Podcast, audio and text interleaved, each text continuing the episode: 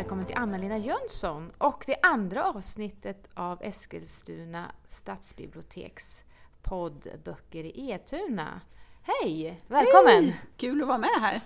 Ja, hej! Vem, vem är du? Kan du berätta lite om om mig själv? Ja, jag kommer inte från Eskilstuna, jag kommer faktiskt från Falkenberg från början och har via vissa vägar hamnat i Stockholm dit jag nu pendlar ifrån till det här härliga Eskilstuna som jag jobbar på. Okej, vad härligt! Mm. Jaha, och vad hade du tänkt att prata om idag?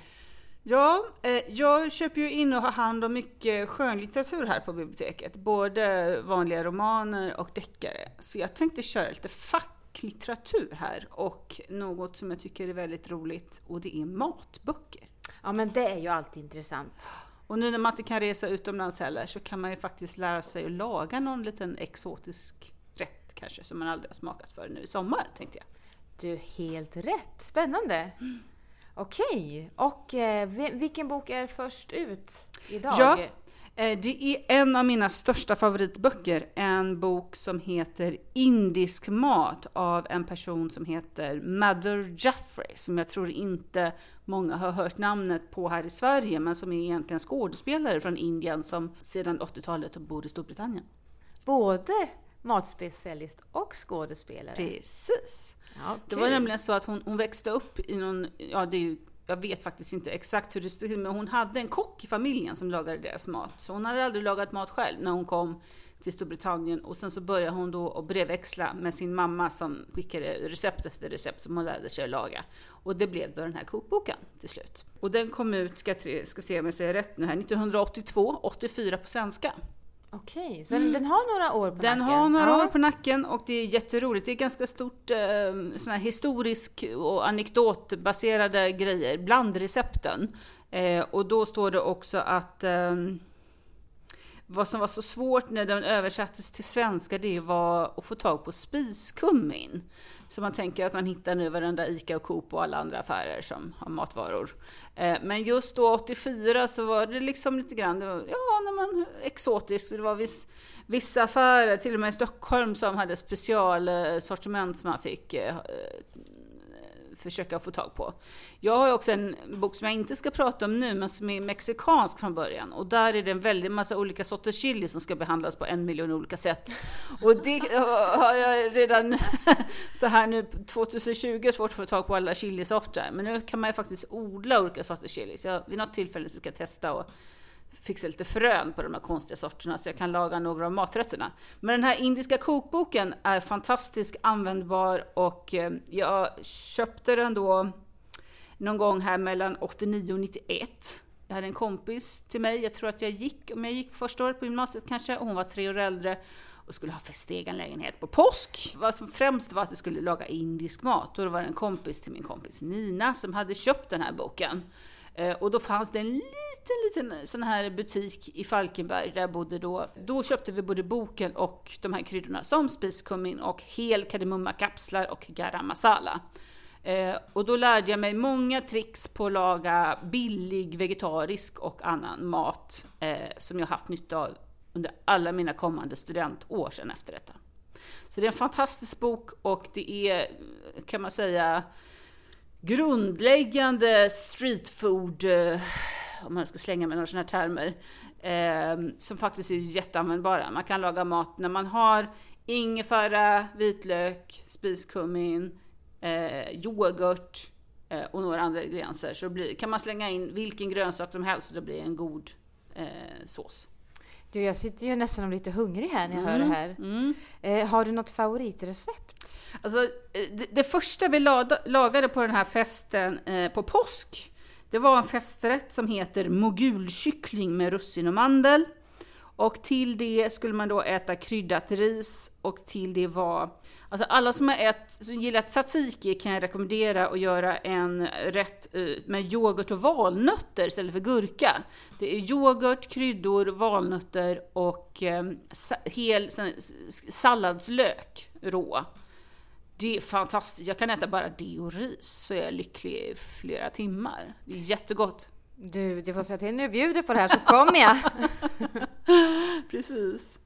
Ja men vad, det där låter ju som en jätte jättespännande bok om man Mm. är eh, intresserad. Både för folk som gillar ut, utländska kryddor men också för studenter och folk som kanske har en liten magrare ekonomi så där i slutet av månaden så kan jag verkligen tipsa om att lära sig grunderna i indisk mat. För lite bönor eller morötter och potatis så, eller bara gröna ärtor som man blandar med ris och kryddor. Det blir jättegott och billigt faktiskt.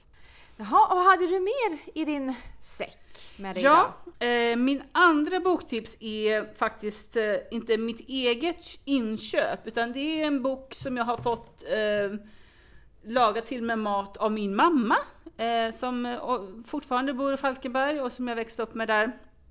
Ja, min pappa och min bror också, men, men hon, eh, hon hade ibland mat kvar för hon jobbade som dagmamma nämligen. Eh, med mycket barn med specialkost och allergier och sånt där. Eh, och då använder hon gärna en bok som heter Mat för barn och deras föräldrar. Eh, som har skrivit av en författare som jag tror heter Latifa Lindberg. Kom ut i början av 2000-talet. och inriktningen är ändå att den är manad till nyblivna föräldrar som en baskokbok med inslag av fakta om livsmedel och näringsämnen. I fokus står respekten för barnens smak, deras upptäckarglädje och egna vilja att äta.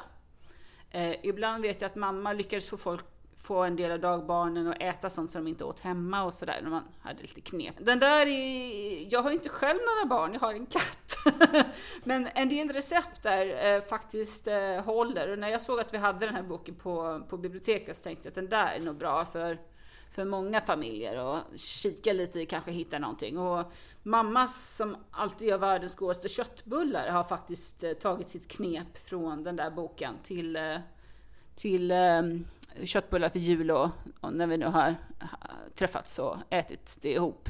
Eh, och hon, det är då att man inte har skorpmjöl utan havregryn i eh, köttbullssmeten som kommer från den där. Eh, och det blir lite som lite nötigt på något sätt. Så att det, det är gott. Jaha, men du rekommenderar den? Jag rekommenderar Ja. den.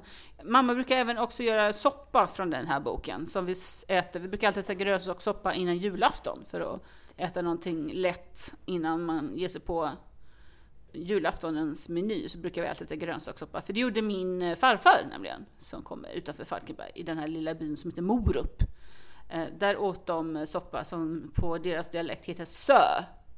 Okej, sö. Så nu har jag lärt till mig min brorson att äta sö innan jul. Ja, men det ser man, det finns en lång tradition med den här boken då. Mm, Ja, spännande. Jaha, då tar vi nästa bok då. Ja, och Mm. det är en klassiker som jag tycker fortfarande är rolig och det är sju sorters kakor. Alltså det finns ju, det, för framförallt så har väl det här med olika kaktekniker blivit känt i och med att man har börjat sända massa bakprogram på TV, både brittiska och svenska. Eh, jag tycker den brittiska är ännu roligare för de har skitsvåra grejer de ska få ihop i den tävlingen. I Sverige är det lite de här kändisarna sådär, lyckades som gör kanelbullar så vinner de. Det är, eh, nu ska jag inte vara kritisk, men det är, det är inte, lika, inte lika roligt som tv-program. Men för den som vill lära sig baka några sorters olika kakor så är den här en bibel. Jag har ju då till och med med mig kakor till jobbet idag. För jag fyllde år förra veckan. Ja, det är strålande. Tack så mycket. Och stort, stort grattis! Tack, tack. Det var ingen jämnt sådär så att jag firar inte så mycket. Men lite kakor till kollegorna, blev trevligt tyckte jag. Ja, det är ju underbart. Och där då i den här 17 sorters kakor så har jag valt ut syltrutor. Som också faktiskt har havregryn i sig. Jag kanske, ja, nej, men jag gillar havregryn. Eh, gröt också är gott. Men eh, det, man kan göra som ett litet knäckigt täcke där med någon liten eh, socker och smör och havregryn som topping ovanpå. Eh, och så har man lite sylt och så är det en vanlig kan, en sån här sockerkaksbotten i. Eh, Det går bra att göra långpanna. Eh, Fantastiskt bra att laga i långpanna. Även, eh, även när man gör rotsaker och sånt där. Jag gillar bara att slänga ner och dressing på och sen får det stå i ugnen. Det är härligt. Små kakor i min gasugn funkar inte lika bra, men i plåt funkar det bra. Jag blir ju ännu hungrigare nu. På dessert. Ja, ja gud. Först indisk mat och sen kakor Jajamensan, efteråt. Med du- lite köttbullar till eh, barnen. Ja, precis. Nu är det bara en förrätt kvar då som du ska... Ja, just det. Trerätters Japp. eh, nästa. Mm, mm. Men det låter ju jättegott det här. Och alla tre böckerna finns här på Eskilstuna stadsbibliotek. Då, då vet vi vad vi ska... Om vi nu vill förkovra oss i matlagning och bakning så vet vi vilka böcker vi ska kanske börja med. Ja, eller? eller hur? Ja. Det finns många andra också, men det här är tre. Vi har ganska mycket, vi har också mycket magasin, så man kan testa och söka lite kataloger när man inte har gjort det. Eh, För det kan finnas böcker som några här då, som den här indiska som står faktiskt nere, i, inte uppe på hyllan längre, men som är väldigt värd att plocka fram från magasin och Tack snälla du tack själv. för alla härliga tips. Mm. Då har ju jag eh, två stycken små frågor till dig då. Mm. som vi brukar köra med här. Eh, och då är den första frågan, vilken litterär karaktär skulle du helst vilja vara? Ja. Ehm, jag är ju då deckarbibliotekarie här på Eskilstuna och då faller det sig lite för mig att välja en karaktär i en deckare. Och den jag har valt är Harriet Wien som är hon som löser brott eh, bland annat i Dorothy Says Kamratfesten. Eh, som utspelar sig innan andra världskriget i Oxford-miljöer. Akademiska Oxford-miljöer och också kvinnliga studenter där på slutet av 30-talet, mitten av 30-talet. Och eh, jag kanske inte har någon sån här eh, anlag för att vara polis, men jag tycker att den där miljön och det här klurandet för att fundera ut vad som leder till vad hade varit fantastiskt att få vara med om. Ja, vad bra. Du har ju till och med, eh, vi sitter ju som sagt var till och med i Deckarbiblioteket idag. Just det. Och du har ju lagt fram ett förstoringsglas här. Precis, Ja. som tyngd på en av böckerna för att jag ska... Men, men det kanske är någonting för dig? Mm, Ja. mm.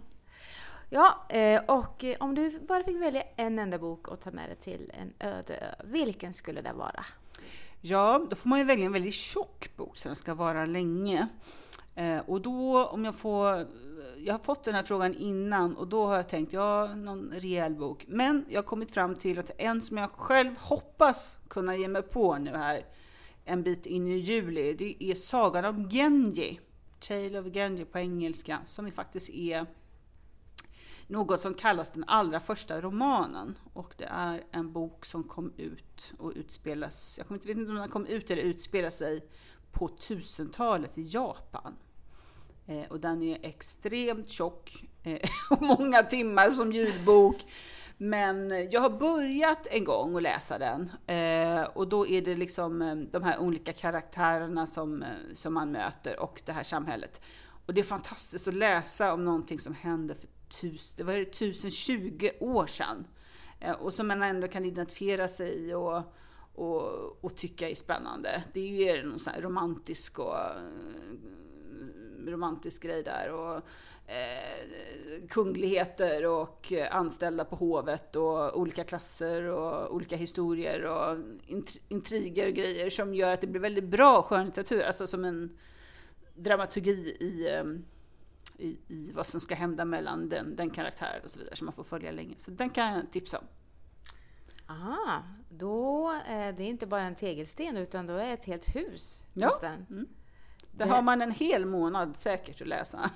Orkar man bära den? Frågan är om vi har den här på biblioteket, det har jag faktiskt inte kollat upp än.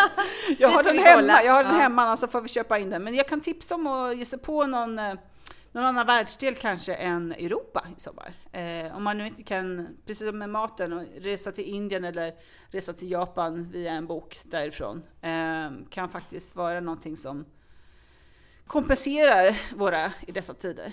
Ja, och eh, genom böcker kan man ju resa var som helst. Eller hur?